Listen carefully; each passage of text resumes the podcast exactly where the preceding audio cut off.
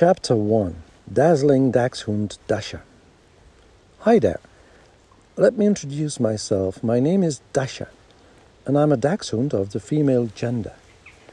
You probably think, no need to tell me, I could have guessed from the letter A at the end of your name that you were female. Well, I'm sorry to disappoint you. In some cultures, male names also end in an A, and female ones in O a Finnish girl called Pirjo, and an Italian boy called Luca are no exception. In case you are wondering where the dazzling in the title comes from, I'll dazzle you with facts and figures and philosophical thoughts uh, and prejudices and misconceptions. My bosses, Johan and Anita, have named me Dasha. My name had to start with the letter D Humans have invented a system whereby newborn puppies are assigned an initial letter specific for the year they are born in. As I was born on the 8th of February 2015, my name had to start with a D. Fortunately, my bosses are bright people. They could have called me Dummy, Dumbo, or Dummkopf. My daddy is, uh, or rather was, German. But no, they named me Dasha. It means God's gift in Russian. Not too dazzling for you, I hope? Not a bad choice. And all the more appropriate because I was born in the Netherlands. Well, I, personally didn't have any choice, really. My, my mother's Dutch. And as you know, the Dutch are not only known for being stingy, they do not suffer from modesty either.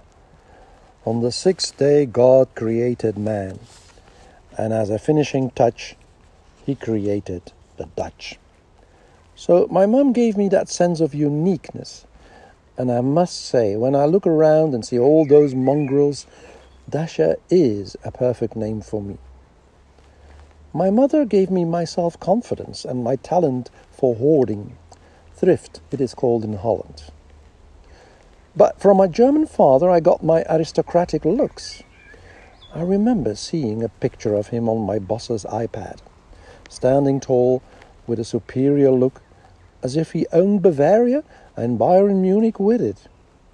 I can imagine him in an army uniform, all decked out, enough to inspire the young ladies to wear their flirty dresses and to fill all inferior foot soldiers with fear.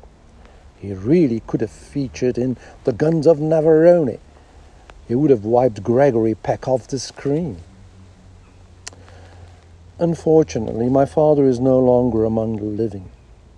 So I can forget about three tickets to the movies or an introduction to the likes of Lassie, Rin Tin Tin, and Beethoven. Though my boss probably wonders why I didn't mention the likes of Eva Mendes, Salma Hayek, and Penelope Cruz. And indeed, they would get close to qualifying as wonderful BNTs. For the cultural Philistines among you, BNT stands for black and tan, the highest form of dachshund one can aspire to. Yes, my father died, and it was, of course, humans who were to blame. I still have nightmares, and I sincerely hope that my bosses are more mature than the German ones. My dear father whose full name was actually Da Vinci von Krumholtz and some additional aristocratic Sigmaringen epithets, lived in a big mansion in the middle of a vast Bavarian forest.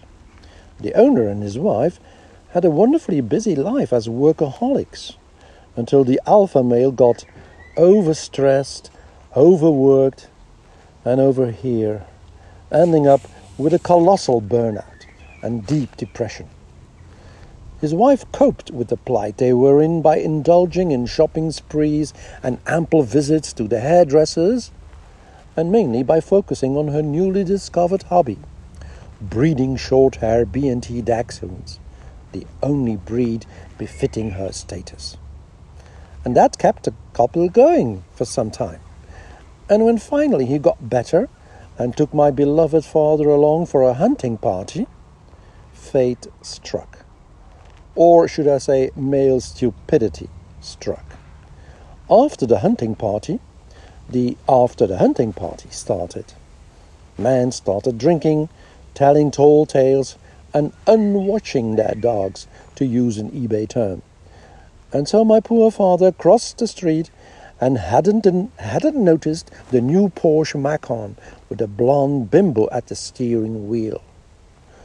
All the men focused on the bimbo, and my father ended up in limbo. It also meant the end of the Bavarian marriage.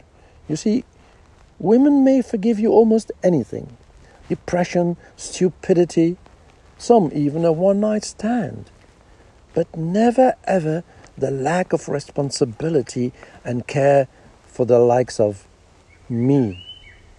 And rightly so.